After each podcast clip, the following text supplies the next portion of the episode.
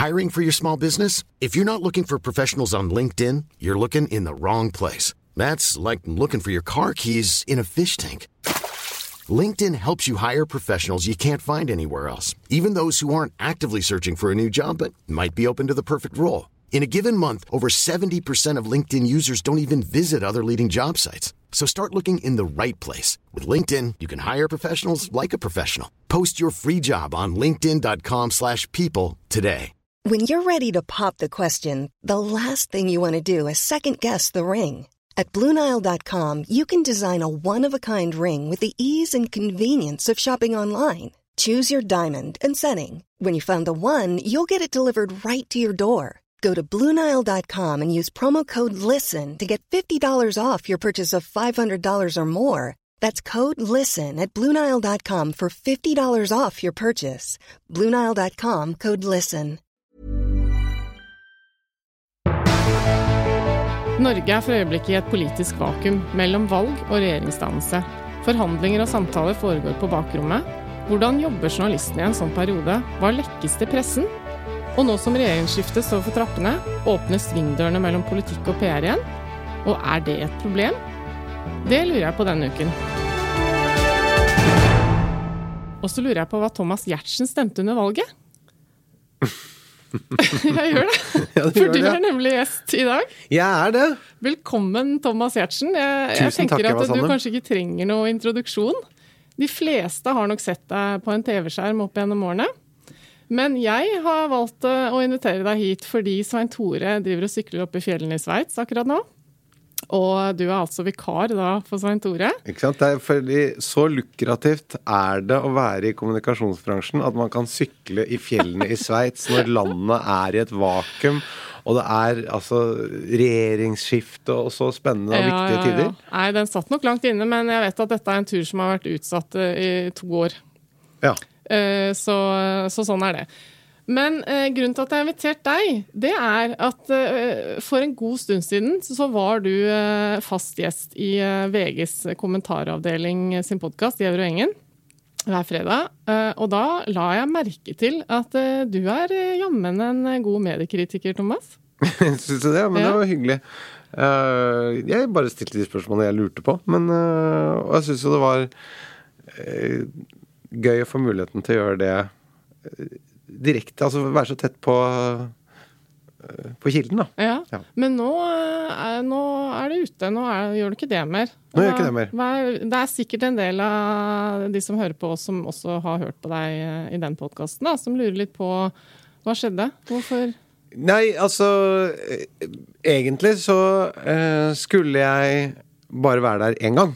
Ja. Eh, og så ble det en gang til og en gang til og en gang til, og så var det veldig gøy. Så, så spørsmålet er vel Hvis jeg forsto deg riktig, så oppfattet jeg at du kanskje spurte hvorfor slutta du, men, Ja. men eh, spørsmålet er egentlig hvorfor ble du der så lenge? Jeg skjønner. Eh, Så, for jeg har jo dagjobb.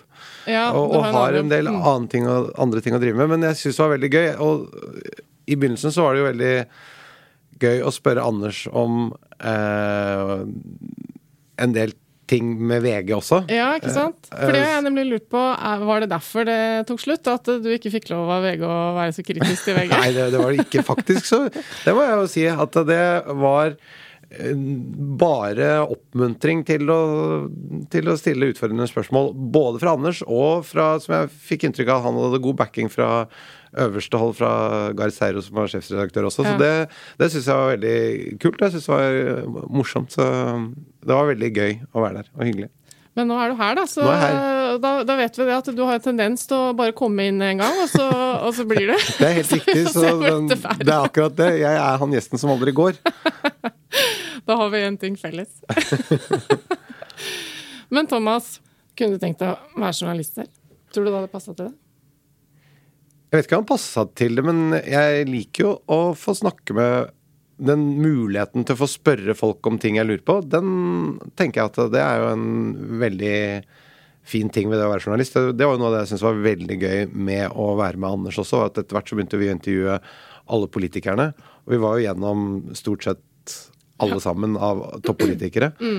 Eh, og jeg syns jo det var veldig utrolig sånn morsomt, interessant og lærerikt og flott å stille dem spørsmål som jeg lurte på. Jeg Av og til så sitter jeg når jeg ser på intervjuer og sånn, så sitter jeg og tenker at journalisten Ja, men hvorfor spør du ikke om det om det? Eller der glapp det noe? Eller jeg syns ting blir litt borte av og til. Det er av og til eh, små detaljer, ting jeg mener er sånn essensielle, som av og til glipper litt.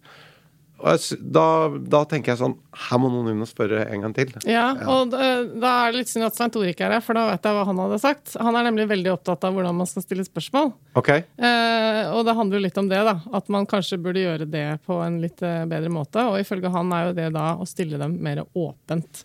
Så da kan vi se om jeg klarer det i dag. jeg skal stille et helt åpent spørsmål til deg. Hva stemte du under valget? Det, det, det, altså, det tenker jeg at det kan jeg ikke si. Fordi at det er dårlig både for, både for meg eh, og ikke minst det partiet jeg stemte på. Det, det Så- respekterer jeg, for jeg vil heller ikke si hva jeg stemte. Ja, for jeg, jeg må bare si det at eh, det partiet og jeg, vi, vi har et sånt hemmelig forhold, og som da bare Vi møtes bare bak en gardin inni et trangt lite avlukke som Ja. på hemmelig Eller på en sånn hemmelig rom med sånn chattegruppe på internett. Nei, ikke der. og- Nei, det er i en, gjerne i en sliten gymsal eh, på en skole. Ja, og så. Mm. går jeg inn bak en gardin, og bak der møtes bare vi to. Det er ingen andre som ser oss og Nei. vet at vi møtes der. Og så går jeg ut igjen, og så er det ingen som vet at det er oss. Og det, det er bra for dem, og det er bra for meg. Det Hvordan det skader det saken å ha forholdet meg som medlem. Innafor gardinene der, hvordan opplever du at det forholdet er? Altså, er, du, er du trygg på den andre parten i det forholdet, eller, eller er du litt mer sånn Jeg hadde rett før valget Jeg var veldig usikker på hva jeg skulle stemme i år. Ja. Eh, Så jeg eh, Vi inviterte, både jeg og samboeren min, vi inviterte noen eh, venner på middag. Og så hadde vi som oppgave hva skal vi stemme i år? Og så diskuterte alle rundt bordet. Ja. Og alle måtte liksom legge frem hva de selv skulle stemme, og hva de mente vi burde stemme, og hvorfor, osv. Så, videre. så det Akkurat som det ble en politisk debatt rundt bordet der. ja, eller det ble i hvert fall en, en diskusjon, ja. Det ble ikke noe krangling eller noe sånt. Nei. Men det ble litt sånn Ja, jeg syns det var en morsom øvelse å gjøre. Altså, jeg er jo eh, også veldig um, påvirkelig. Jeg er jo sosial. Ja. Så, så det har jo selvfølgelig noe å si. Jeg skal ikke prøve å late som jeg er mer rasjonell og fornuftig enn jeg er. Så jeg, jeg blir jo påvirket av hvem jeg er sammen med, og hvem jeg snakker med. og Ja, ja. Sånn, det, det gjør jeg. Så, så, og det handler jo i stor grad også litt om følelser og sosial tilhørighet og sånn. Så, men så, kan jeg se meg i speilet hvis jeg føler at jeg klarer å knagge det opp på noe rasjonelt etterpå.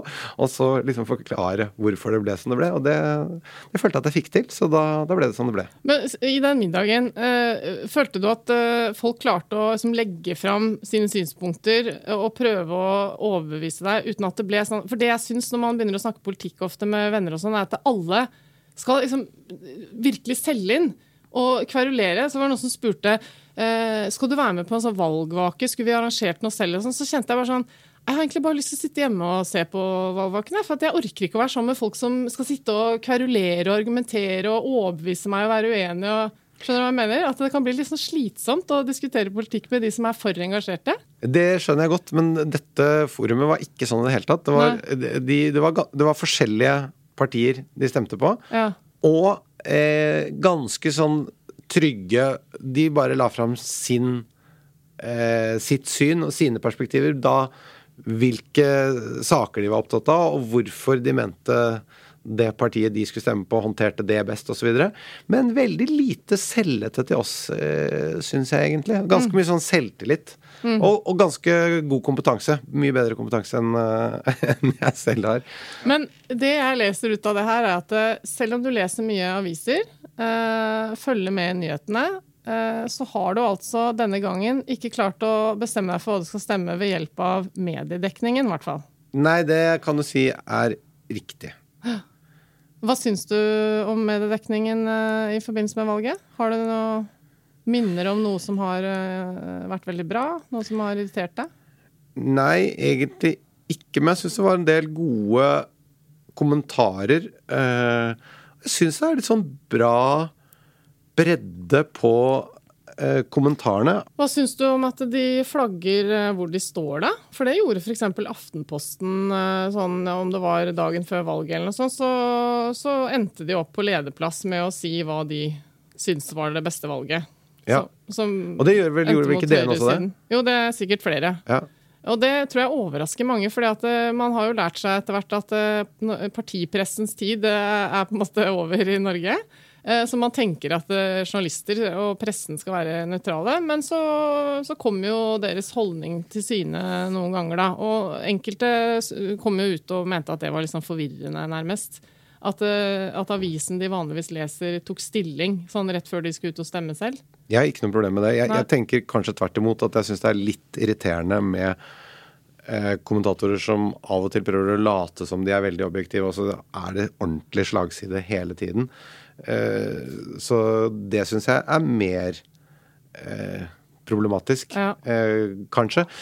Dessuten så er vel er ikke forskjellen Dette kan ikke jeg, men er, ikke er det ikke en forskjell på en partipresse som da er nærmest slavisk lojal, uavhengig av hvilket valg det er, mens at en avis som kan si at vet du hva, i dette valget så så anbefaler vi eller så mener vi at man bør stemme på det partiet. Ja. Uh, og så kan det endre seg. Så kan du si at hvis du teller opp og så ser du bak, så har det vært ganske likt. Og det, det kan jo hende, men, men det er ikke det er ikke en automatikk i det. da. Så Nei. er ikke det en forskjell på en Helt enig. Det virker som en veldig logisk eh, forskjell. At de gjennom en valgkamp eh, dekker ting, og så til slutt så resonnerer de seg frem til, basert på det de da har lært, eh, hva de det syns er Ja, det må være forskjell på partipressen og en, en, et, et mediehus som da eh, annonserer Som, hva det stemmer. Som på en måte styres av Så jeg har, ikke, jeg har ikke noe problem med det. Så bra. Eh, I denne podkasten så pleier vi å ha en sånn runde over bordet. eh, og bare kjapt innom om det er noe som har skjedd siste uka som jeg syns har vært spesielt interessant i mediebildet. Er det noe som du har merket deg ved? Egentlig ikke. Nei? Eh, altså, jeg, men jeg må si en ting at eh, det var jo noe av det som skjedde litt da jeg var, da jeg var gjest hos Anders også. Det var jo at eh, i begynnelsen så hadde jeg flere mediekritiske spørsmål, og etter hvert som jeg var der, og etter hvert som jeg måtte, fikk litt mer innsikt og forsto litt mer, så ble jeg jo også mindre mediekritisk. Um, sånn at om det var fordi jeg liksom forsto mer av hvordan ting var, eller om jeg ble bare slukt av systemet, det, eller en kombinasjon. Det, vet du hva, jeg kjenner det igjen litt. Fordi jeg satt jo i Pressens faglige utvalg eh, i ganske mange år. Eh, og jeg kjente litt på det samme. At eh, etter at jeg hadde sittet der så lenge og diskutert presseetikk med, med mediemenneskene, og forsto mye mer av hvor komplekst dette var, og hvordan de tenkte og hvordan de vurderte, så kjente jo jeg etter hvert at eh, nå er jeg jo mye mer på lag med dem.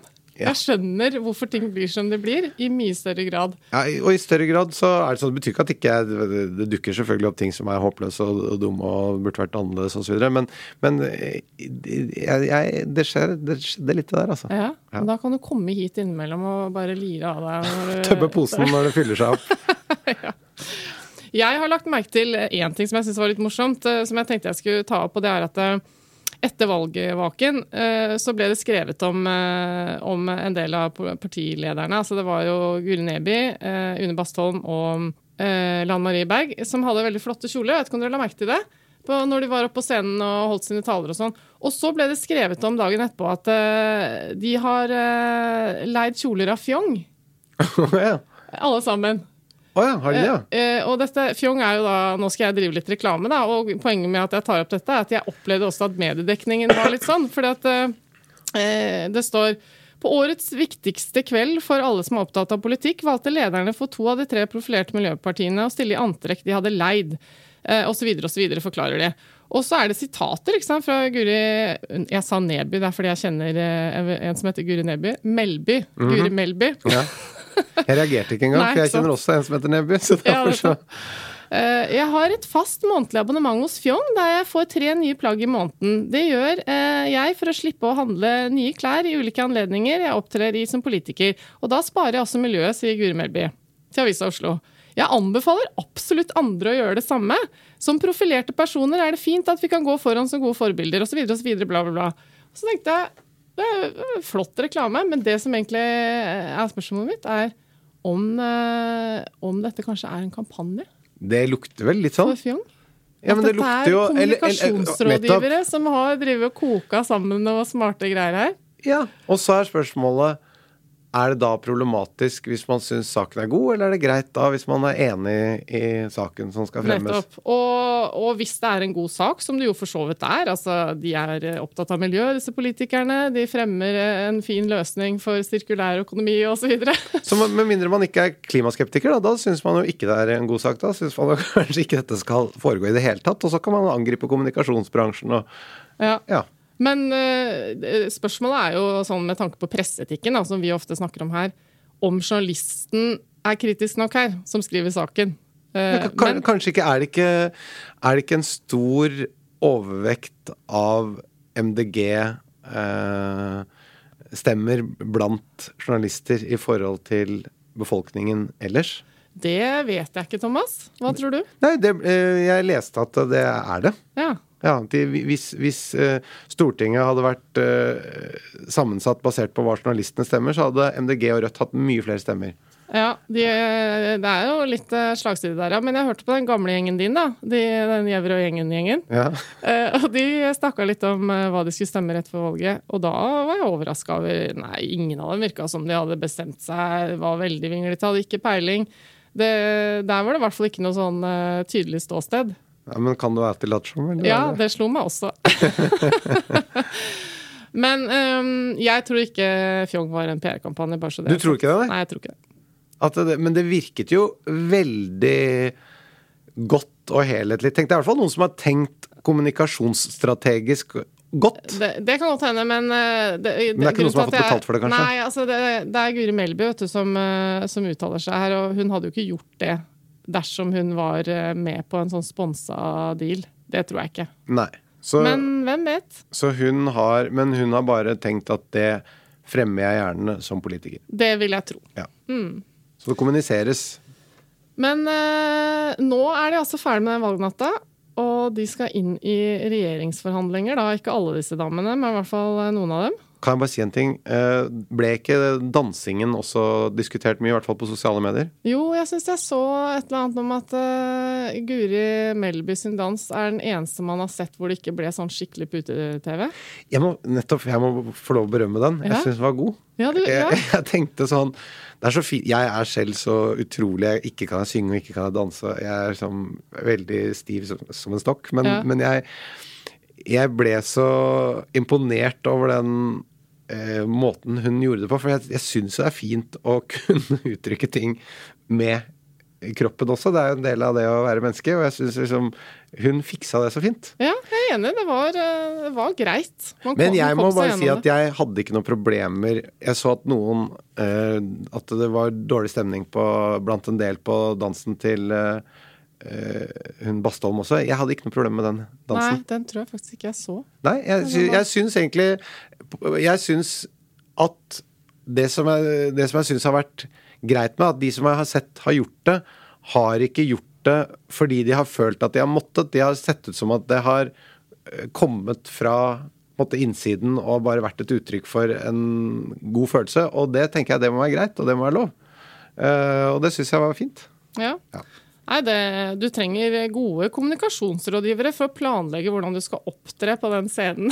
Men det å diskutere Den men, kvelden. ja, men det, og, og du så veldig forskjell på hvordan taler de holder.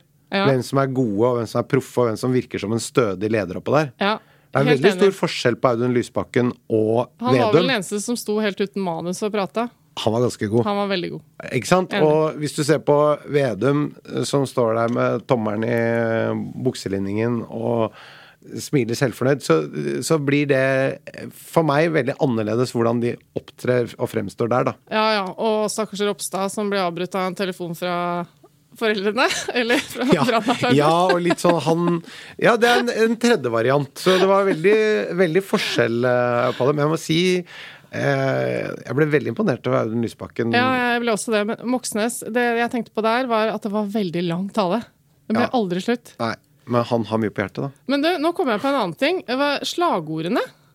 ja. Det, vi skal ikke gå gjennom alle de, altså, men eh, jeg har merket meg ved, med ett, eh, og det er eh, Høyre sitt, som sier 'vi tror på Norge'. Hva, hva, hva sier det deg, Thomas Det sier at vi har ikke noe prosjekt. Vi har ikke noe, vi har ikke noe å komme med. Altså, og det, det bør dere jo ha. Og det har dere helt sikkert òg, men det der syns jeg var helt utrolig slapt. Ja. Er det ikke det? Jo, altså, det er litt vanskelig å få noe særlig ut av det. Det er ikke nær folk som er litt mer tydelig Nær folk, eller nå er det vanlig det, det, det treffer noen, eller Jeg tror på Norge. Er det som ikke gjør det, da? Ja. Er, Ok. Og i så fall skal jeg da stemme på noen andre, eller altså Det er, bare, det er jo ingenting. Er det nok for deg, dersom du hadde vært en Høyre-velger, da, er det nok for deg til å liksom, miste litt tenningen? Det, det sier for meg Det uttrykker litt at vi er Vi har punga litt, liksom. Hva, hva, hva, hva er prosjektet? Hva er det dere skal for noe? Du må komme og si hva vi skal gjøre.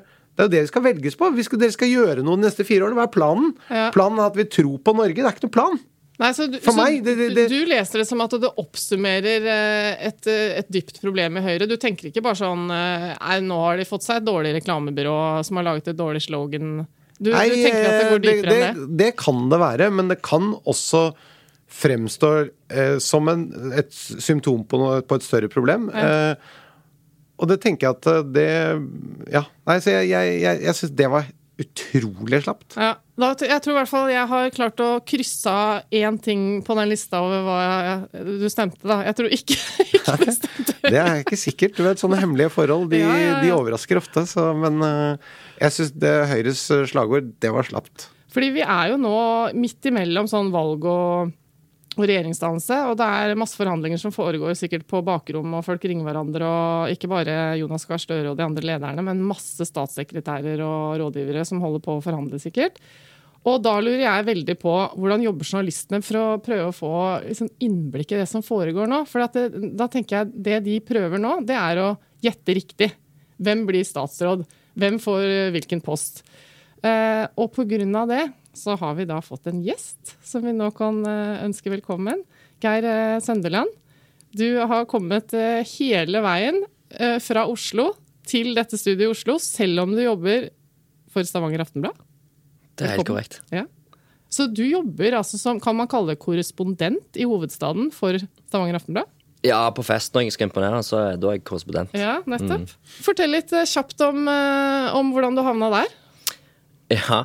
Eh, jeg eh, var på et vikariat i Stavanger Aftenblad. Eh, hvis du drar til Oslo, så skal du få fast ansettelse.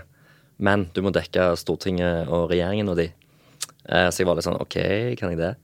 Eh, men så bare kasta jeg meg på et fly, og så eh, Nå bor jeg her fortsatt og har gjort det siden, og det har vært utrolig gøy. Hvor lenge har du gjort det? Siden 2014. Men du, hadde du noe bakgrunn, noe, har du noe utdannelse som, som eh, gjorde at det var naturlig at du skulle dekke politikken?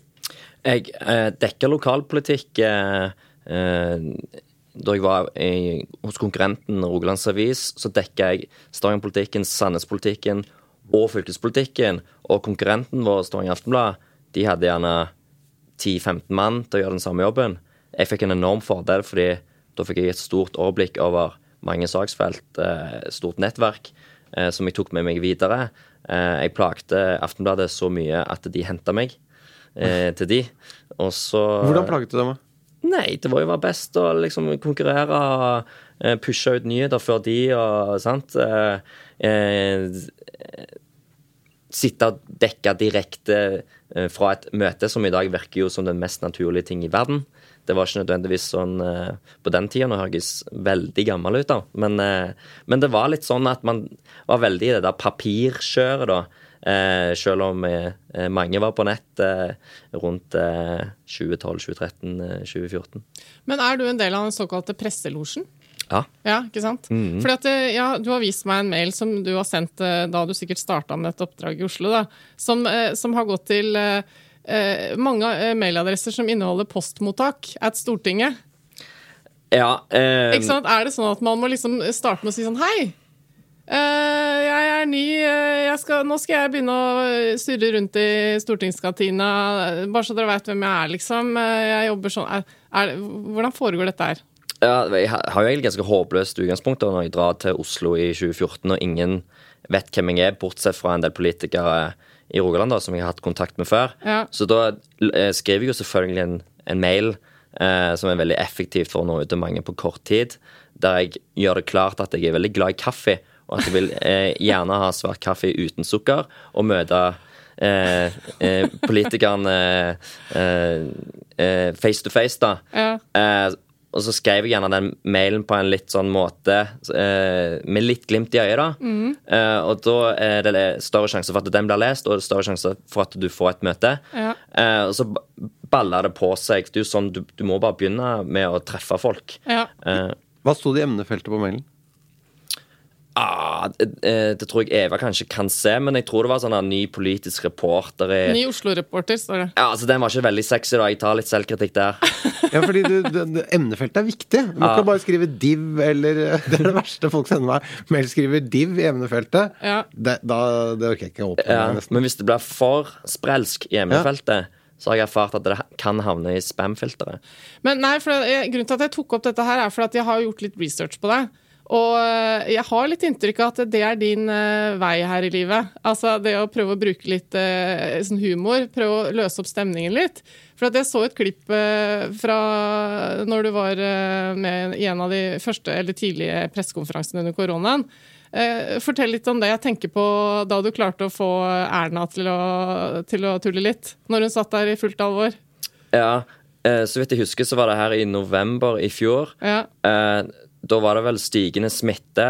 Uh, det her var rett rundt det der nødlandslaget, hvis dere husker det, uh, i, i fotballen. Uh, så var det snakk om kan fotballen få lov til å, å fortsette, og hvordan er det med smittevernregler og karanteneregler. Så jeg formulerte et spørsmål rundt det, og da vet jeg jo, når jeg formulerer det spørsmålet, som jeg syns kanskje jeg formulerte litt krøkkete, så vet jeg jo det at Erna vet veldig godt at jeg heier på Viking. Jeg vet veldig godt at hun heier på Brann.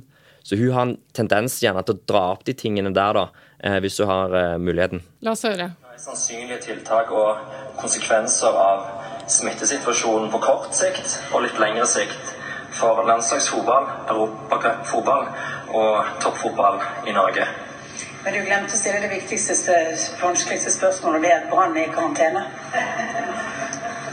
Som har tenkt å avlyse resten. Så vi har egentlig tenkt å sette stopp for serien nå. Viking får spille. Og så klarer du da å skape en stemning. Er det som, når du skal på en pressekonferanse hvor det er masse andre journalister eh, som er ute etter sikkert mye av det samme, da. hvordan er det du forbereder deg da? Hvordan funker det? Eh, under korona så har det vært litt krevende, for at du blir ofte innkalt til en pressekonferanse uten å vite hva som kommer. Så du Ja, du vet det er en pandemi, men du vet ikke hva de har tenkt å legge fram. Sant? Så da Da går det ganske kjapt, og du, og du eh, Ja, du sitter og forbereder spørsmålene dine og tenker litt vinkling og sånn underveis mens de snakker.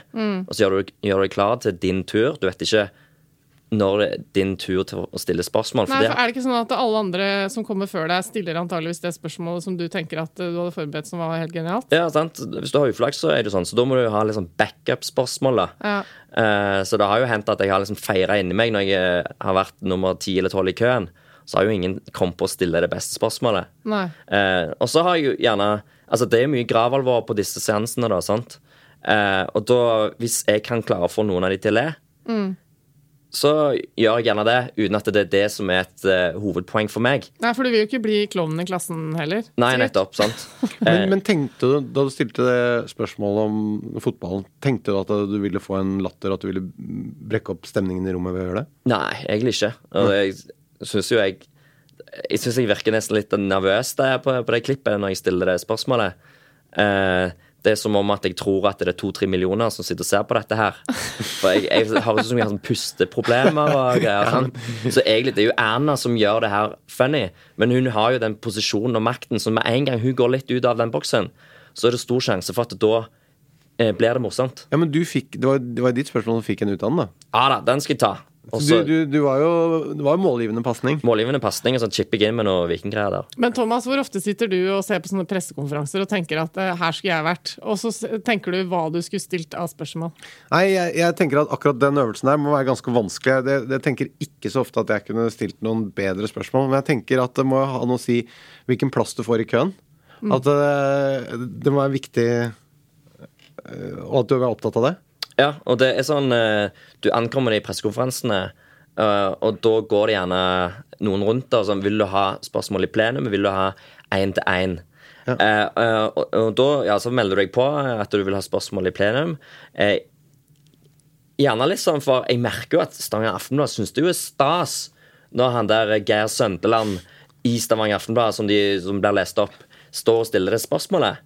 Jeg kunne jo tatt det der én til én, men jeg har funnet ut at du sparer enormt mye tid. Hvis du bare tør å ta den nyhetsrisikoen det er å stille spørsmål i plenum og få, og få svaret i, i plenum, istedenfor at du skal stå i en halvtimes intervjukø én til én med en politiker etterpå. Eh, Så kan du like godt ta det i plenum. Så det er jo en viss grad av Det kan være en viss grad av, eh, av show og hilse hjem, men det er òg en veldig sånn effektiv måte å jobbe på. Men vil du også få Fordi hvis du er først, så har du dårlig, dårligere tid til å tenke ut et bra spørsmål. Så jeg, jeg vil bare gjette at eh, det lønner seg å komme i første del, for da har ikke alle Det har ikke vært færre som har hatt sjansen til å stille det samme spørsmålet som deg. Samtidig som du har litt tid til å tune inn videre. Er det er, Ville det vært en god strategi? Ja, det, det syns jeg. Men jeg har lurt fælt på det der at eh, jeg sitter egentlig nesten alltid og irriterer meg over sånne pressekonferanser eh, og tenker at eh, de, de tingene som kommer etterpå, er bare sånn hva, altså, er, hva slags spørsmål er dette her? Jeg føler ikke at jeg får noe særlig ut av den runden. Og noe av grunnen til det er nok det du er inne på nå, at alle sparer eh, juicen til de kommer rent igjen. Men det virker jo også sånn Nå har jeg stått her Hvis jeg hadde vært statsminister, så hadde jeg stadig vekk blitt irritert over det. Eller regjeringsmedlem. Nå har jeg stått her og prøvd å komme med all informasjon til dere i plenum. Holder ikke det? Nå skal alle snakke med meg en gang til, stille de samme spørsmålene på nytt. Så må jeg bruke halve dagen på det. Det hadde jeg tenkt. Det hadde jeg òg. Men, eh, men det skjer altså fordi de vil finne en eller annen vinkling som bare er Stavanger Aftenblad sin. Da, så du kan finne ut et eller annet du kan stille som ikke VG hører. Er det det som er greia? Ja, altså Hvis du vil eh, pushe en sak, hvis du vil eh, klistre det opp på papirforsiden, hvis du vil ha noe eget eksklusivt, så kan ikke du nødvendigvis vise fram alle kortene i plenum. Så da har du ofte den der Du tar de én-til-én-biten etterpå. Ja. Og så er det kanskje litt sånne greier som jeg òg har, eh, av og til, at du vil ha den der Sier Erna Solberg til VG, sier Erna Solberg til Stavanger Aftenblad. Ah, ja, da, da, da hilser du hjem til publikummet ditt og sier at eh, ah, vi har hatt et én-til-én-intervju her. Ja. Eh, vær så god, lesere. Eh, vi, liksom, eh, vi driver service for dere, og vi får tak i selveste statsministeren. Dette er sånne ting som eh, pressefolka er veldig opptatt av, som jeg tror vi tenker litt mindre over, Thomas. Ja, men jeg skjønner det når du sier det, og jeg skjønner liksom Det er noe sånn derre eh, Hvis jeg forteller deg noe, så Ja. sier jeg Jeg snakket med eh, Hvis jeg sier til deg f.eks. for eksempel da eh, Kronprins Haakon sa i går at bla, Mm. så er det litt mindre juicy enn hvis jeg sier Kronprins Haakon sa til meg at altså, Ja. Ikke sant? Ja. Det, det blir mer eh, Vi er sosiale, da. Eh, Sånn at jeg skjønner at det der har en effekt. At han snakker Hun sa det ikke bare hvor som helst, hun sa det til oss.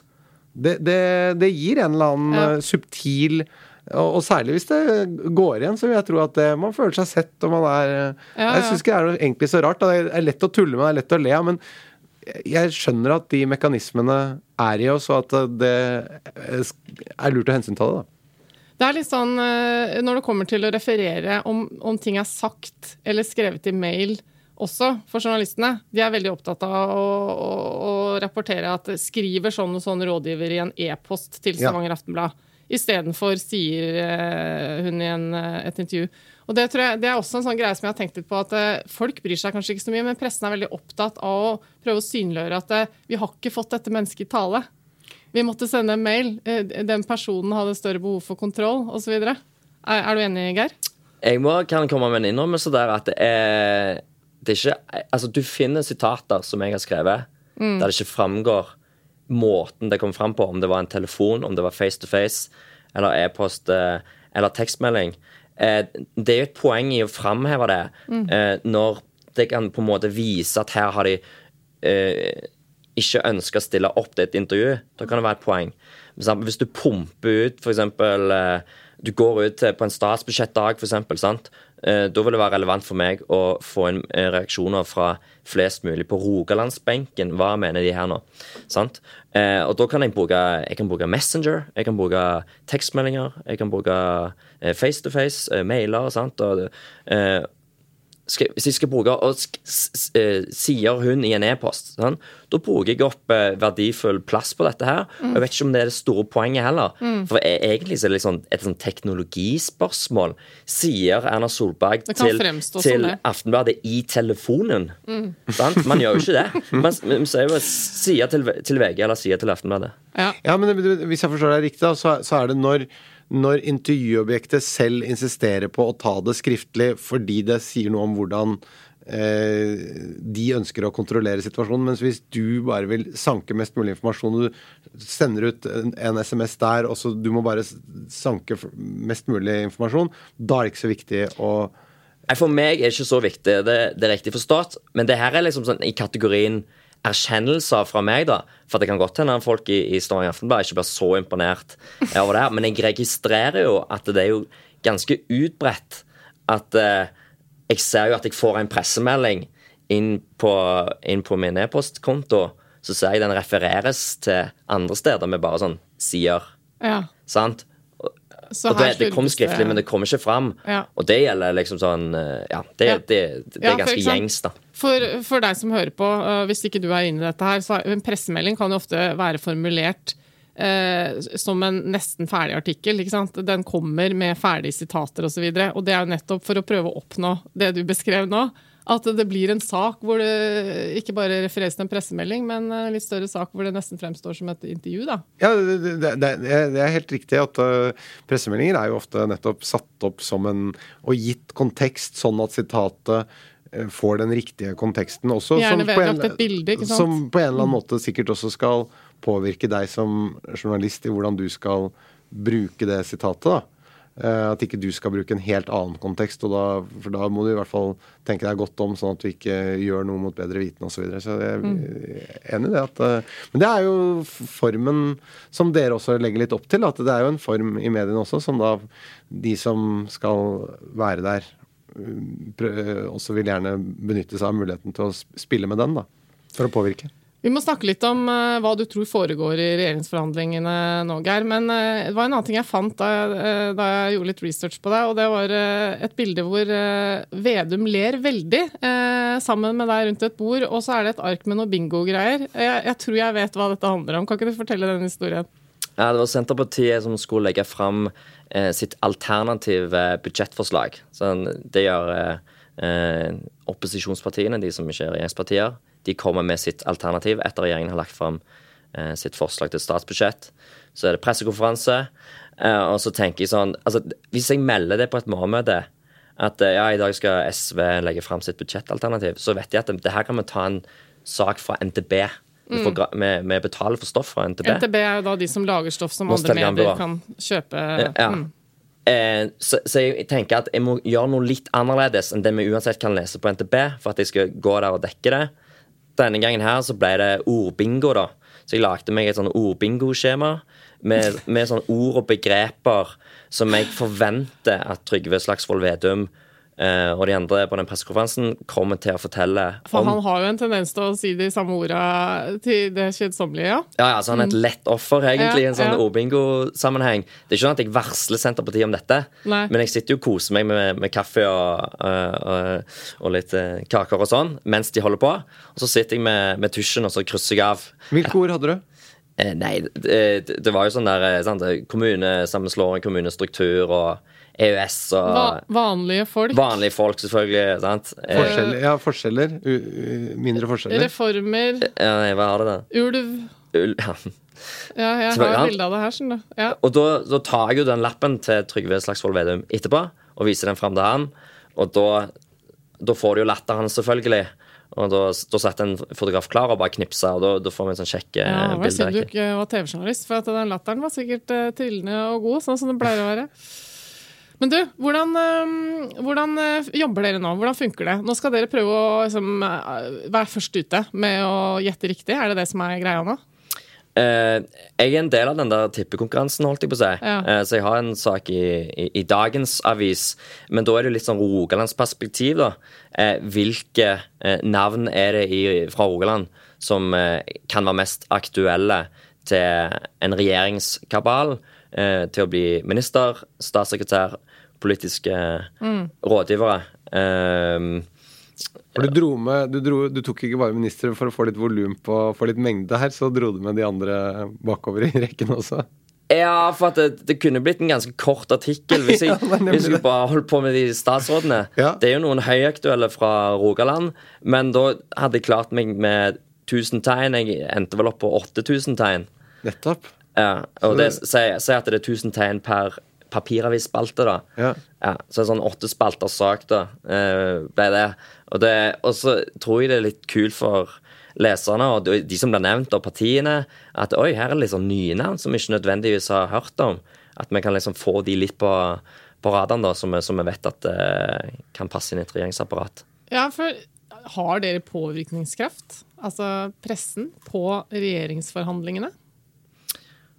Ja, den sa det. Hvis det er en, en Altså, det er jo en sånn eh, symbiose mellom press og politikk, sant, som er, det er sånn avhengighetsforhold eh, der. Så de er jo ikke upåvirka av eh, hva som skrives, men jeg tror jo at altså når det kommer til statsrådutnevnelsene, så er det i utgangspunktet partilederne som foretar de valgene.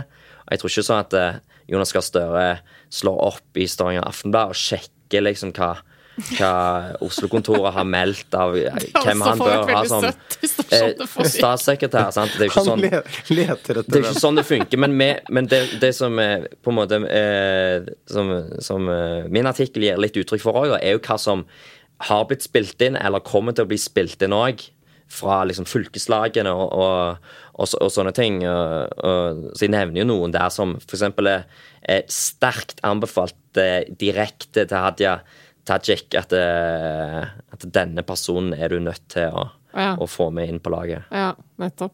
Men eh, altså, hva gjør du, hva er jobben din nå, da, når dere sitter og venter? Eh, hvordan jobber dere? Jeg, jeg kan bare ta sånn som uken min har vært. da eh, Mandag, valgdagen, så var jeg sånn TV-reporter. Eh, vi, vi ville fjonge oss litt med sånn nett-TV-satsing. da, sant? Ja. Eh, så sitte og høre på dere fortelle om alt som har skjedd på disse valgvakene. Det var ting som ikke jeg helt fikk med meg, for jeg var enten på valgvake eller så var jeg i en taxi og så Ja. rapporterte hjem. Ja. Eh, Dagen etterpå så var det å skrive inn mange av de nye fjesene. Eh, sant? Eh, Hvem er de nye på, på Rogalandsbenken?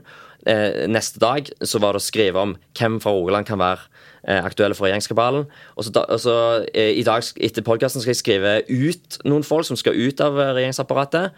Og så er det jo å holde tritt med de vekslingene som nå pågår mellom eh, de tre partiene, Arbeiderpartiet, Senterpartiet og eh, SV. Og da er det jo selvfølgelig å Eh, bruke de kildene du har. Eh, stikke på Stortinget, snakke med mest mulig folk. Eh, Men snakker de? Altså, Får dere noe ut av dem i disse dagene her? de sier jo akkurat det de har interesse av å si. Ja, nettopp. Sant? Uh, og, og så må du nesten vekte litt uh, hvor gode kilder er òg, da. Sant? Og tenke litt på at uh, de sier ikke noe for å hjelpe VG eller hjelpe Stavanger Aftenblad. De sier jo noe for at de har en interesse av å påvirke. Eh, så det har jo vært noen saker nå, f.eks. på eh, i Senterpartiet hvorvidt eh, man kan regjere med SV eller ei. Holdningen til partiledelsen er at det vil man jo ikke. Mens, eh, mens i, i medieartikler kan man få inntrykk av at det er et splitta parti. Eh, men når jeg da sjekker med mine kilder, eh, så poengteres det jo da at det, Bare noter deg hvem som uttaler disse her tingene. Det, det er ingen overraskelse for liksom sentralt i partiet at disse tingene kommer, men vi holder stø kurs på vår strategi. Vi ønsker ikke å regjere med, med SV. Um, så det er Og så er det selvfølgelig jeg var, uh, Du er heldig. Noen tar telefonen, noen tar ikke. I denne fasen så er det nok en overvekt av folk som ikke tar telefonen eller, eller vil snakke med deg, for de er opptatt av å stable en, en ny regjering og en, en ny politikk, en regjeringsplattform, på beina. Hvor, er, er det sånn at mange av de kildene dine har sånn fem-ti ubesvarte fra deg på en dag? Eh, det kan være ikke fem-ti. Jeg, jeg skjønner jo tegninger, da, hvis ikke de plukker opp på nummer tre eller fire, liksom, og tekstmeldinger og bla, bla, bla.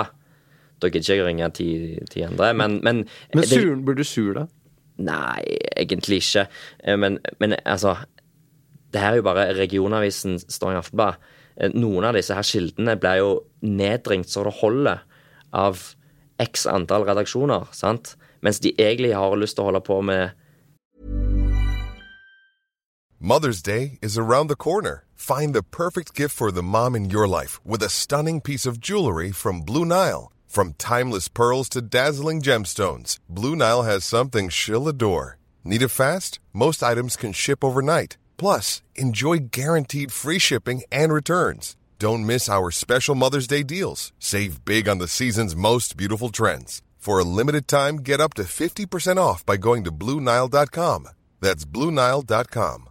I'm Sandra, and I'm just the professional your small business was looking for. But you didn't hire me because you didn't use LinkedIn jobs. LinkedIn has professionals you can't find anywhere else, including those who aren't actively looking for a new job but might be open to the perfect role, like me.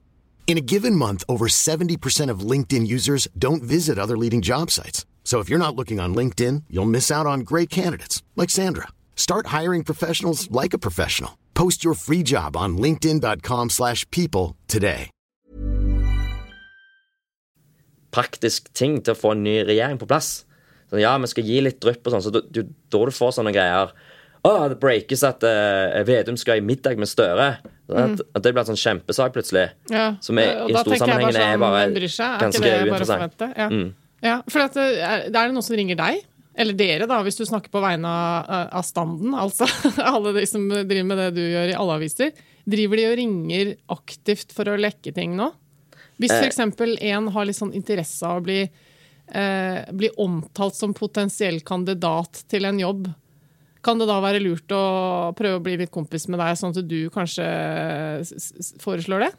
Ja, det, er litt tidlig med den kabalen. Den, er, Ja. den kabalgreia har ikke kommet så langt i gang. Jeg vil nok kanskje forvente en sånn type telefon eh, når det kommer til konkret politikk. da, sant? Hvis man, hvis man har kommet der da, at nå har de kommet ganske langt i forhandlingene eh, Når noen- tror du det er, da? Ja, det, altså, hva det Støre har sagt, da, at han kan forvente en, en ny regjering som går ut for Slottet i sånn midten av oktober. sant? Sa han det til Stavanger Aftenblad, eller bare til alle? Eh, eh, da, da er det sånn eh, Sier Jonas Gahr Støre, punktum. Sa, sa Jonas Gahr Støre punktum. Men og, og, så oktober, så da, da, da blir den kabalen Da eh, når, er det liksom, når er det det begynner å skje lekkasjer og påvirkninger rundt den kabalen? Nei, så, så da, eh, så da regner jeg, jeg regner jo med at det kommer innsalg i eh, u, Altså, det kan være Si at Senterpartiet har fått avklart sin, sin, sin, sin politikk. Ting begynner å ramle på plass. SV eh, skal f.eks. sende ut det her på uravstemning, som de eh, så veldig gjerne ønsker. Ja. Da kan det godt hende at Senterpartiet, eh, noen av de, vil eh, selge ut at høy, høy, eh, vi har fått på plass dette som er liksom bra for eh, eh, å få ut i, i, i Stavanger eller VG eller et eller annet sånt. Eh, hvis SV godtar dette tilbudet. Sånn, så får de en sånn gladsak mm. som de kanskje vinner på uansett. Men så det tror jeg nok sånn generelt at det, man er jo keen på at mest mulig blir innomhus fra de forhandlingene. Sant? Jo, jo mindre støy, jo bedre. Ja, for at det, det greiene til SV med at de skal høre med alle partimedlemmene sine og sånn, det høres jo ut som verdens største lekkasjepotensial. Virkelig. Ja, absolutt. Så det Ja. kan jo bli en fest for, eh, for eh, oss journalister. Og så kan det òg liksom sette Audun Lysbakken i en ganske vanskelig posisjon. da. Ja. Si at SV sier nei til noe han har anbefalt. Mm. Hva gjør han da? Har han noe troverdighet igjen i partiet? Må han trekke seg? Sant? Så det, det kan jo bli fort bli veldig dramatisk rundt en sånn uravstemmingsgreie som det overhodet ikke er liksom, rutine for at man holder på med i Norge. Men eh, kanskje, kanskje et litt teit spørsmål, men føler dere noen ganger at dere i den perioden her bare er liksom underholdningsartister? Som bare driver og lager masse stoff som egentlig ikke betyr noe? fordi om et par uker så får vi vite hvordan det blir. Ja, jeg skjønner jo spørsmålet når jeg har sett eh, dekningen, eh, spesielt på Riksplanen, eh, de siste dagene. Eh, jeg er jo selvfølgelig ikke noen sånn sirkusartist, jeg. Jeg prøver jo bare eh, le levere gode og relevante saker for eh, mitt eh, publikum. Eh, så eh, jeg står ikke og henger utfor eh, eh, huset til Støre eller eh, i, i denne fasen. Jeg gjør ikke det. Jeg, jeg, det er liksom ikke min, min oppgave, og det er overdekka uansett. Så da er det heller å se om det kan, vi kan eh, ta tak i litt mer ting som er litt mer spissa inn, inn mot Rogaland. Men eh, det som, noen skal jo inn i regjering nå, og så er det jo noen som skal ut av sine verv eh, på Stortinget og som rådgiver og sånn. Og da åpner det som VG denne uka kalte svingdøren mellom PR og politikk. Um, altså, det, er jo noe med at nå blir en del folk arbeidsledige fra den jobben de har hatt i kanskje fire år. Og så er det ifølge da, i hvert fall ifølge journalistdekningen, så er det nå et veldig attraktivt eh, objekt som er en nylig eh, avgått politiker som kjenner alle kriker og kroker, som vet hva som er på gang, som man da kan ansette til veldig høy lønn i et eh, såkalt PR-byrå. Og så kan man misbruke det til å oppnå det man vil eh, om kort tid. Det er liksom basically den oppsummeringen jeg føler at jeg får gjennom pressedekningen. da. Stemmer det? Er det sånn, eh, er det, sånn det er? Er det sånn du tror det er? Det er jo en reell sving der, det er det. Mm. Og det her er absolutt eh, politikere som går over i eh, et PR-byrå. De har jo kunnskap som det absolutt er mulig å selge. Eh, Det er et reelt marked for det. For at det er eh, Det er ikke for alle å, å vite hvordan man, man oppnår eh, konkrete politiske eh, resultater. Så når man da etter et stortingsvalg skal bytte ut mange på Stortinget, bytte ut mange i, i eh, et regjeringsapparat, så, så må en bare forvente at det, det går eh, veldig mange over til den andre mørke siden. The dark side. Ja. Men, men du, det, det, eh, kommunikasjonsbransjen, kan vi ikke, skal vi snakke litt om det? Eller? ja, Er gjerne det. Altså, fordi eh, Jeg har lyst til å høre litt sånn Hva, hva er innvendingene? For det er litt uklart for meg. Det er, det er, jeg får inntrykk av at det er noen som påvirker eh, ting. eh, og, og demokratiske prosesser. Um, og det er jo en del av et demokrati at, man, at folk skal prøve å påvirke. Og så er det inntrykk av at det er noe eh, moralsk om at eh, man tjener penger eh, på det. Så kunne vi liksom brutt ned litt og sagt hva er de helt sånn konkrete problemene med det? En av kritikkene er vel at det, det, det blir ikke lik terskel for alle å ha tilgang til politikere og folk som fatter beslutninger på vegne av folket og, og hele nasjonen. Eh, at det, at det eh, man, man, Det kreves eh, penger. Det kreves at man må kjøpe en tjeneste fra et PR-byrå som fasiliterer møter eller som lager gode analyser, lager gode strategier for, å, for at den kunden skal oppnå en bestemt uh, greie. Så, så, så noen, noen vil nok hevde at det er en uheldig eh, utvikling, men det er, det er for alle å bare kontakte hvem som helst på Stortinget og, og, og be om å få et møte. Altså, eh, du trenger ikke være et PR-byrå for å få til det. Nei, men eh, altså, hvis jeg skal bare relatere det til noe som er litt mindre, som, som jeg kjenner igjen, da, så, som er på litt lavere nivå enn eh, som stortingspolitikere, så, så har jeg vært gjennom en sånn byggesak, en konfliktaktig greie i forbindelse med hytta, hvor man prøver å navigere i et eller annet sånn kommunestyre, politisk utvalg, sekretariat, administrasjonen, rådmann, fylkesmann. Og altså, gjennom tre år nå så sitter jeg ikke igjen med følelsen av at det bare er å kontakte noen eh, for å få et svar. For det, det er helt umulig å skjønne. Så jeg skulle gjerne hatt en rådgiver da, som kunne hjelpe meg å navigere i det systemet, sånn at jeg lettere kunne oppnå det jeg prøver, uten å bruke ukevis og timevis eh, av min tid for å finne ut av det. Og det er jo også liksom, litt av det samme som det du beskriver nå, eh, for litt større aktører. At eh, man har en greie, en helt åpen som noe man har lyst til å prøve å oppnå på vegne av sin bransje eller det man driver med. Eh, også, da trenger man at det, at, eh, at det legges til rette for den type virksomhet. Eller sant, rammebetingelsene må påvirkes, eller man må i hvert fall prøve å fortelle hva som er viktig. Og så er det bare Hvor starter? Altså, hvem, hvor skal jeg ringe? Hvem skal jeg Altså, er det, en, er det en stortingspolitiker? Blir ikke det for høyt opp? Burde jeg snakke med en rådgiver, eller burde jeg snakke med noen Altså, dette her tror jeg Det å liksom si at dette er bare alle, I demokratiet vårt så kan alle bare ringe til hvem som helst. Den kjøper jeg bare ikke. Folk, altså, vi veit ikke hvor vi skal begynne. Nei, helt riktig, og det er derfor du får et sånt marked med disse PR-byråene, Ja. som har en spisskompetanse som er ganske unik, fordi de henter typisk en del eh, tidligere statsråder og stortingsrepresentanter, folk som har vært i de politiske systemene i en årrekke, eh, som det gjerne kreves da for å skjønne eh, og lage strategier for hvordan du kan eh, oppnå noe. Eh, så, så har gjerne Altså, eh, det har gjerne en litt sånn negativ slagside, et PR-byrå, sant? Du vil ofte eh, finne altså, Omtale av PR-byrå er ofte litt, litt sånn negativ sjargong. Sant? Og så er det litt sånn hemmelighetskremmeri, da. Det er jo litt sånn greie. Eh, eh, men det tror jeg nesten bransjen sjøl syns er helt greit, for det er liksom litt sånn mystikk da, og rundt dette her. Um, og så har du dette med disse her kundelistene, da, som har vært en del eh, kritikk mot.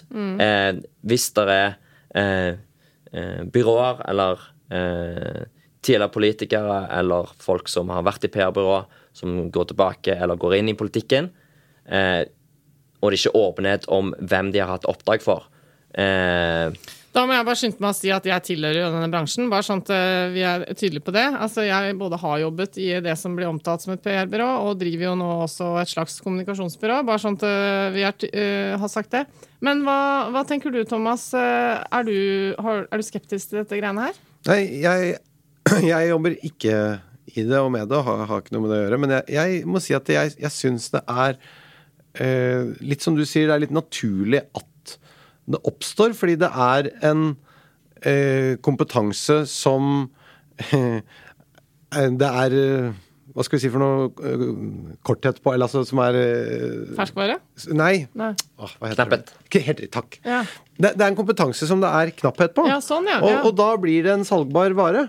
Det er, en, det er en gode, et gode. Og, og, men jeg syns jeg, jeg ser liksom de åpenbare innvendingene som gjelder generelt i samfunnet, at transparens og åpenhet er viktig. Så, så det er og, og innvendinger som kommer i forlengelsen av det, det må gjelde for kommunikasjonsbransjen som for, for alt annet. Det er jeg helt enig i.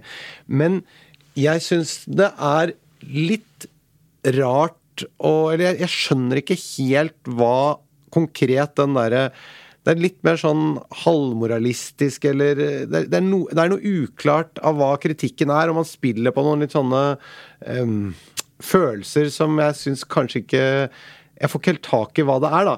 For, for på samme måte som du sier at det, det er åpent. Det skal, skulle egentlig bare vært sånn at folk bare kunne kommet og påvirket, kunne ringt og gjort osv. Men på samme måte som Norges lover, de er tilgjengelige for alle, er sånn, men det er ganske komplisert å forholde seg til. Og da bruker vi en advokat som er spesielt trent på å håndtere det, selv om du kan prosedere selv.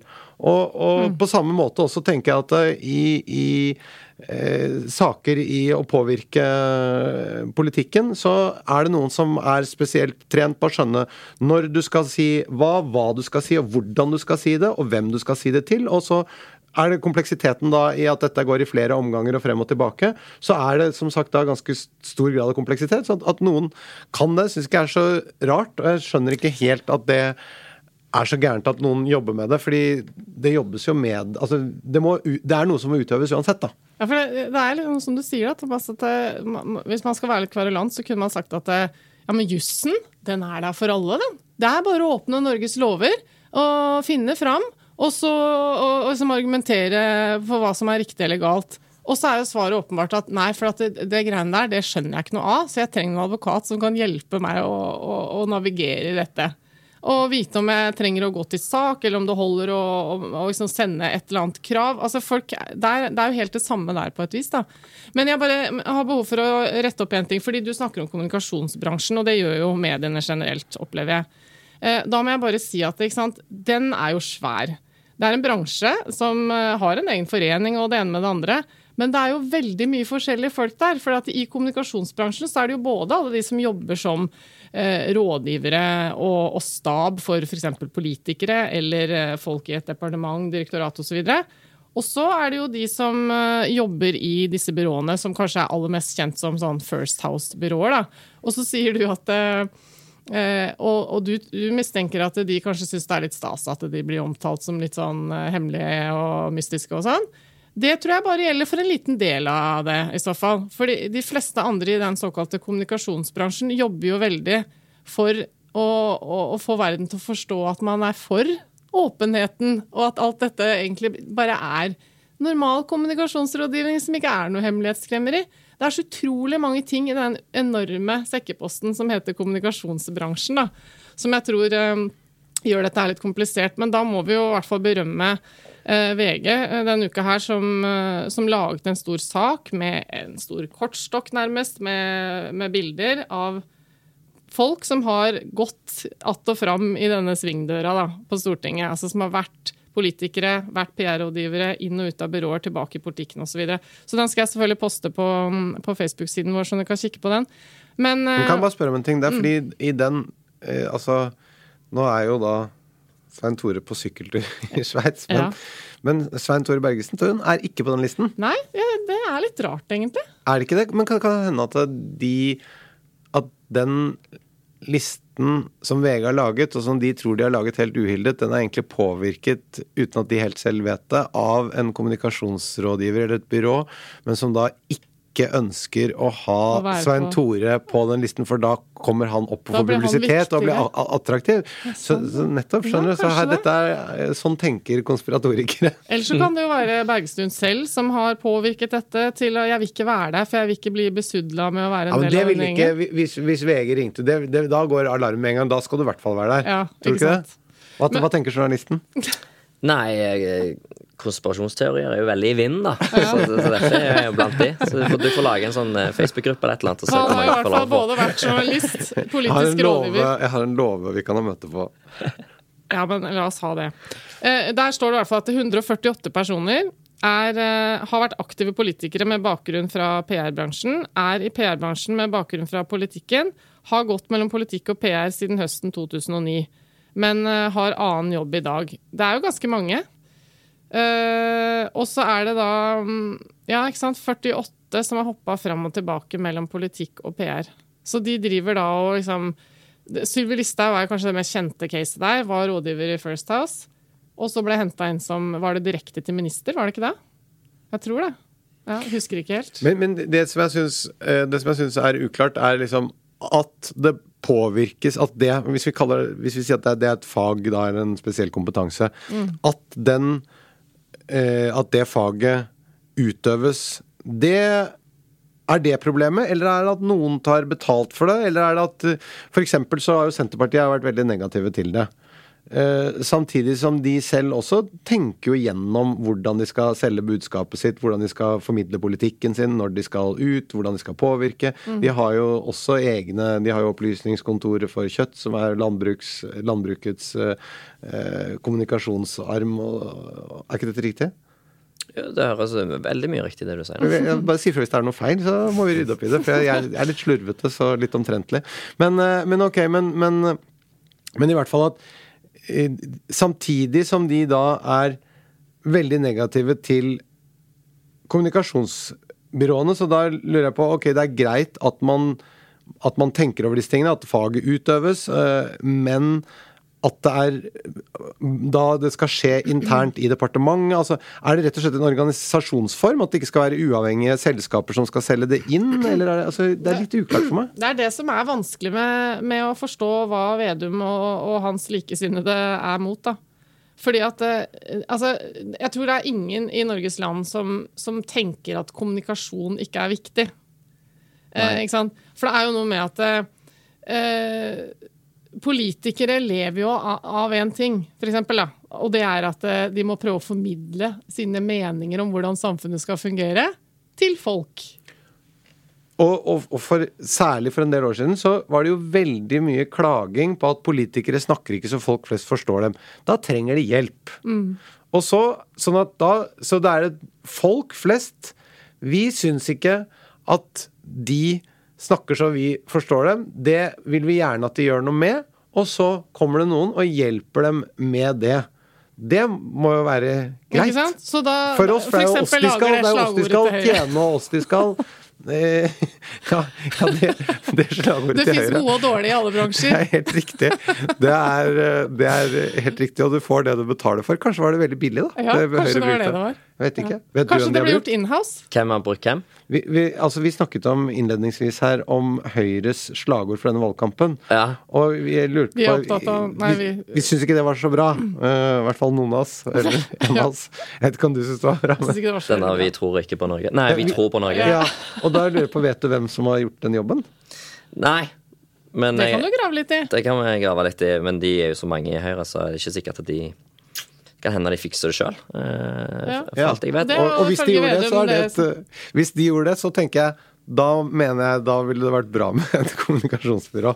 Hvis det der var en innholdsjobb, så tenker jeg det er et godt eksempel på at det er ikke noe lurt. Nei, for det er jo altså, det, det, Jeg tror du også har skrevet kanskje tidligere noen saker om denne bransjen. De fleste journalister har vært innom uh, det.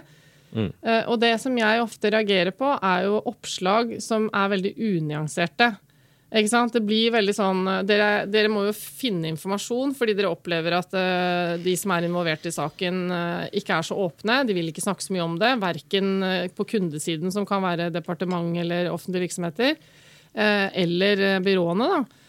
Så det blir litt knapphet på, på informasjon, antageligvis, som jo er en slags forklaring på hvorfor det blir unyansert, kanskje. Men, men er, jeg som, som kan denne bransjen, som forstår hvordan det fungerer, jeg reagerer jo alltid på at det, det som nå står i avisen, det er ikke sånn som det faktisk er i virkeligheten. Og det bidrar til at folk misforstår hva dette er for noe. Og det plager meg, men jeg er litt sånn usikker på hva som skal til for at det skal bli eh, bedre. da. For eh, Det alle husker, er at hver gang det kommer en, ny logo eh, for en ny stor virksomhet, så står det hvor mye den kosta.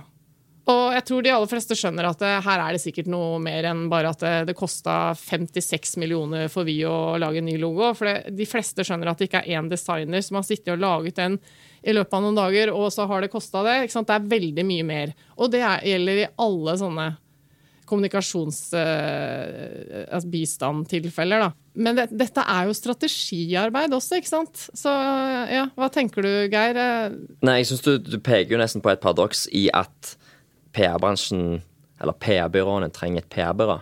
For de har åpenbart ikke klart å forklare de, hvordan ting egentlig funker. Og det er jo et problem òg for, for pressen, for vi ønsker jo ikke å, å, å bringe et, et, mm. et ubalansert, forvridd Ja. bilde, da, som jeg tolker at du eh, kanskje til en viss grad sier at uh, kommer til uttrykk i pressen. da.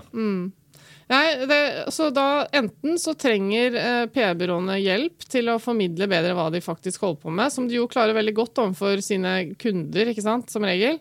Eh, eller, så, eller så er det at man ikke setter seg ned med en åpen holdning om at ok, la oss bruke litt tid nå, nå skal jeg som journalist prøve å høre på hva dere har å si, og så skape trygghet rundt eh, det man da har planer om å formidle. da. For jeg også legger merke til, jeg er helt enig med deg, at eh, når det først lages en sånn kritisk sak, så er det ofte veldig knappe kommentarer fra liksom, Hans Gelmøyden-gjengen, da. Eh, altså de som representerer lederskapet i disse store byråene, som First House. Men eh, ja. Eh, Men, men tenker du, Geir, at uh, i en perfekt verden så var det ikke noen kommunikasjonsbyråer? Nei, nei, nei. Du tenker ikke det? Nei, nei, nei, jeg er ikke her som en kritiker av Nei, nei, jeg bare, jeg bare lurer hva, hva du tenker om du det. representerer journaliststanden, det er derfor vi misbruker deg litt når du sitter her. Ja, men det, det er fint. Jeg har jo skrevet den bransjen uh, sjøl, så, og så, og så pleier jeg å av og til dra Hvis jeg holder foredrag, så prøver jeg å dra et skille mellom eh, journalisten og kommentatoren.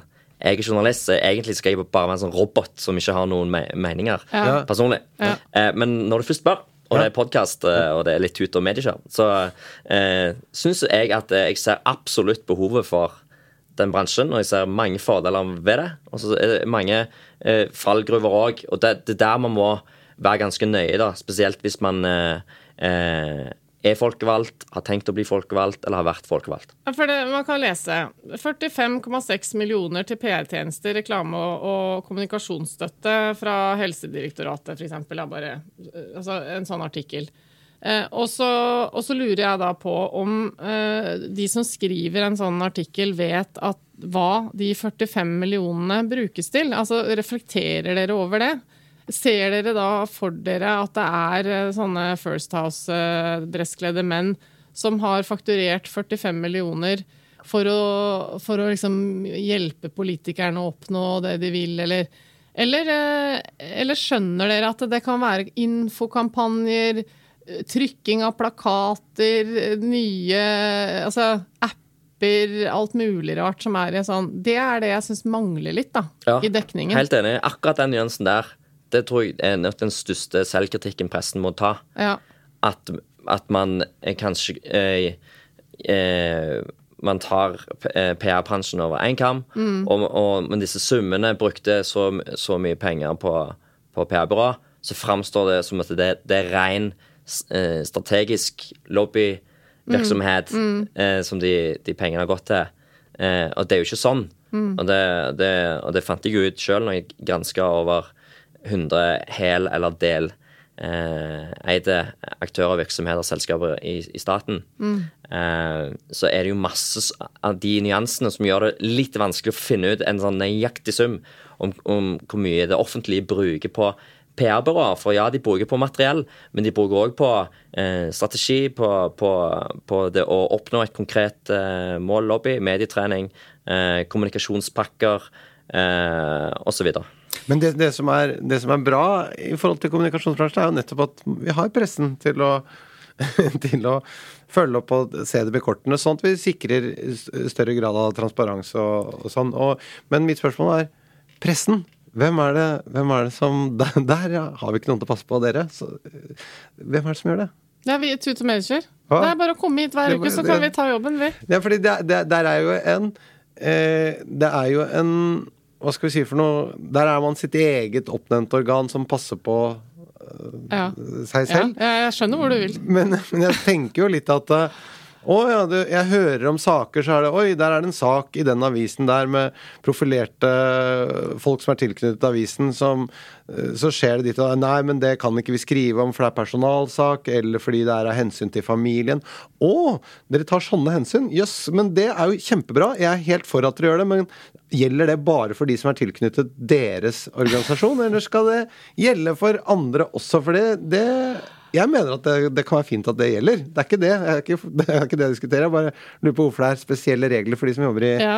en skipsstedavis, f.eks. Ja, når man selv har, står i en krise som avis eller redaktør, ikke sant, så, så ber man om tid til å områ seg, fordi man må få sjekket med sine ansatte. Eh, og- Kan ikke vi gå ut og beklage dette før vi har fått snakket med alle som var involvert og sånn? Det må dere ha respekt for, for sånn er det. Ja, nettopp.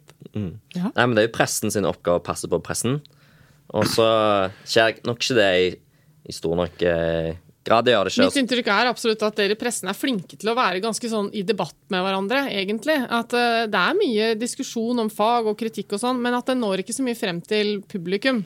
Jeg tror det er der eh, det skorter litt. Du må leie et kommunikasjonsbyrå for Ja. å få det ut. Nettopp, men det kan du ikke finne på. Det er jo det verste som kan skje i en, i, i en redaksjon, har jeg inntrykk av. Eh, Og apropos det, fordi denne svingdøren med, på Stortinget, den fins jo også mellom journalister og politikere. Altså, altså Før var jobben til journalistene å se politikerne i kortene, men nå hjelper jo også mye journalister eh, politikerne til å nå frem. Altså, vi har jo, Aftenposten hadde også denne uka en sak, men det var vinkla mer i den retningen. Hvem er det som beveger seg mellom pressen og politikken. ikke sant? Nå ser vi jo rådgiveren til Jonas Gahr Støre, er jo gammel ankermann ankemann eh, på NRK osv. Jarle Roheim, er det ikke det han Ja. Roheim Haakonsen, er det ikke ikke? Eh, og så videre og så videre. Eh, har du fått tilbud om eh, jobb fra PR-byrå, eller Geir? Nei, det har jeg ikke. Har du ikke? Nei, jeg har ikke det. Eh, men eh, eh, jeg, jeg, jeg bidro til Jeg var med på en greie med Vi spilte inn en TV-episode med Tina Brød. Så fikk hun en sånn der eh, me, eh, Ikke metoo. Hun fikk en challenge. Få mest mulig likes på, i sosiale medier. Så snudde hun på den, og så tok hun selfie med meg og skrev at eh, denne her gromme karen eller noe sånt er ansatt i Høyre. Og som jeg ikke var, da. Eh, og da framsto det som at eh, jeg hadde begynt i Høyre. og fikk gratulasjoner og en del kritikk. Ja. Og da ble det jo det der Altså, det, det ble så mye surr, og vi burde kanskje ikke ha gjort det, for at det den der eh, rettelsen som kom to timer etterpå, da, at det, hallo, det her, det her er bare en sånn her eh, konkurranse, eh, den var ikke så mange som fikk med seg, så jeg fikk jo gratulasjoner i Arendalsuka på at jeg har liksom begynt i Høyre. Eh, og, og sånn skal det jo kanskje ikke være, da. Nei, og, det, det kan jeg bare si at sånn er det med rettelser i aviser òg. Det er ikke så mange som får med seg dem. Sånn at, eh, fordi saken er ofte veldig mye større eh, og distribuert mye bedre. Så det, det er Apropos rettelser, Thomas. Takk for at du minte meg på det. fordi at jeg må også gjøre en rettelse. Og det er at jeg for et par episoder siden kom til skade for å feilinformere deg som hører på, da, om at alle kan klage inn eh, publikasjoner til Pressens faglige utvalg, også de som ikke er medlem av Presseforbundet eller andre medieorganisasjoner. For sånn var det nemlig før, da jeg var der. Dette har endret seg. Så jeg har fått på pukkelen. Jeg har rettet opp på Facebook, men som du påpeker, det er ikke sikkert alle har fått med seg den feilen der. Så nå sier jeg det altså i podkasten også. Elin Floberghagen, som eh, er leder for Presseforbundet, skrev til meg Hei, Eva, jeg sitter med dere på øret og koser meg med det. Samtidig hører jeg en feil som det kan være lurt å rette opp i. I 2018 endret Norsk Presseforbund vedtektene, slik at det nå kun er de mediene som er tilknyttet Presseforbundet, som kan klages inn for PFU. Det betyr dermed at folk ikke kan klage på f.eks. tut og mediekjør til Pressens faglige utvalg. Det, som konkret kreves, er enten at redaktøren er medlem i eh, Norsk redaktørforening, eller at media er medlem hos en av utgiverorganisasjonene. Ha en god fredag. Så det vil si at vi kan bare gjøre som vi vil, Thomas. Så Nettopp. vi kan si akkurat det vi har lyst til, og gi beng i presseetikken og kjøre på. Deilig. Men har, har, har vi vært utenfor? Nei, vi har ikke det. Nei. Vi har ikke det. Men uh, vi har egentlig bare veldig mye mer vi gjerne skulle ha snakket om, men vi må dessverre gå inn for landing. Vi har sittet der altfor lenge, og du advarte, Thomas, eh, mot det. At eh, når du først setter deg ned i stolen, så prater du til du får beskjed om å stoppe. og lenger enn det. Altså, det er eh, menn i min alder. Vi tenker at vi kan snakke om hva som helst, og så lenge som helst, og så mye som helst. Og det eh, Jeg er ikke noe unntak der, dessverre. Og denne episoden her ble heller ikke noe unntak når det kommer til at vi alltid prøver å holde oss eh, kortere. Eh, det klarte vi ikke i dag heller. Men jeg syns det var veldig hyggelig å ha dere her hos meg i studio. Så tusen takk til deg, Thomas Giertsen. Tusen takk til deg, Geir Søndeland. Kjekt å være her. I like måte. Det, syns jeg òg. Tusen takk for meg. Har du noe du brenner inne med, Thomas? Nei, jeg har ikke det. Jeg bare skulle si at jeg syns det var hyggelig å være her. Ja, Jeg skulle så si det samme som Geir. Ja, Tror ikke du, sant? tror du på Norge? Hva? Tror du på Norge? Tror du på Norge? Jeg tror på Norge. Herregud, da må jeg jo stemme Høyre. Vi tror på Norge, og at alt skal være nær folk, og at uh, nå er det vanlige folks tur. Vi tror på alt, vi.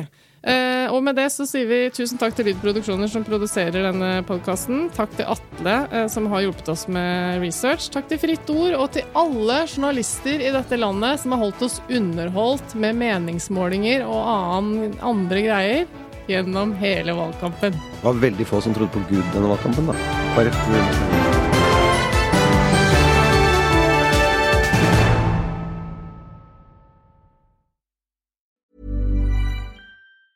Hi, I'm Daniel, founder of Pretty Litter. Did you know cats tend to hide symptoms of sickness and pain? I learned this the hard way after losing my cat, Gingy. So I created Pretty Litter, a health monitoring litter that helps detect early signs of illness by changing colors, saving you money and potentially your cat's life. Pretty Litter is veterinarian developed, and it's the easiest way to keep tabs on your fur baby's health right at home. Go to prettylitter.com and use code ACAST for 20% off your first order and a free cat toy. Terms and conditions apply. See site for details. Hey, it's Paige DeSorbo from Giggly Squad. High quality fashion without the price tag. Say hello to Quince. I'm snagging high-end essentials like cozy cashmere sweaters, sleek leather jackets, fine jewelry, and so much more. With Quince being 50 to 80% less than similar brands. And they partner with factories that prioritize safe, ethical, and responsible manufacturing. I love that. Luxury quality within reach. Go to quince.com slash style to get free shipping and 365 day returns on your next order. Quince.com slash style.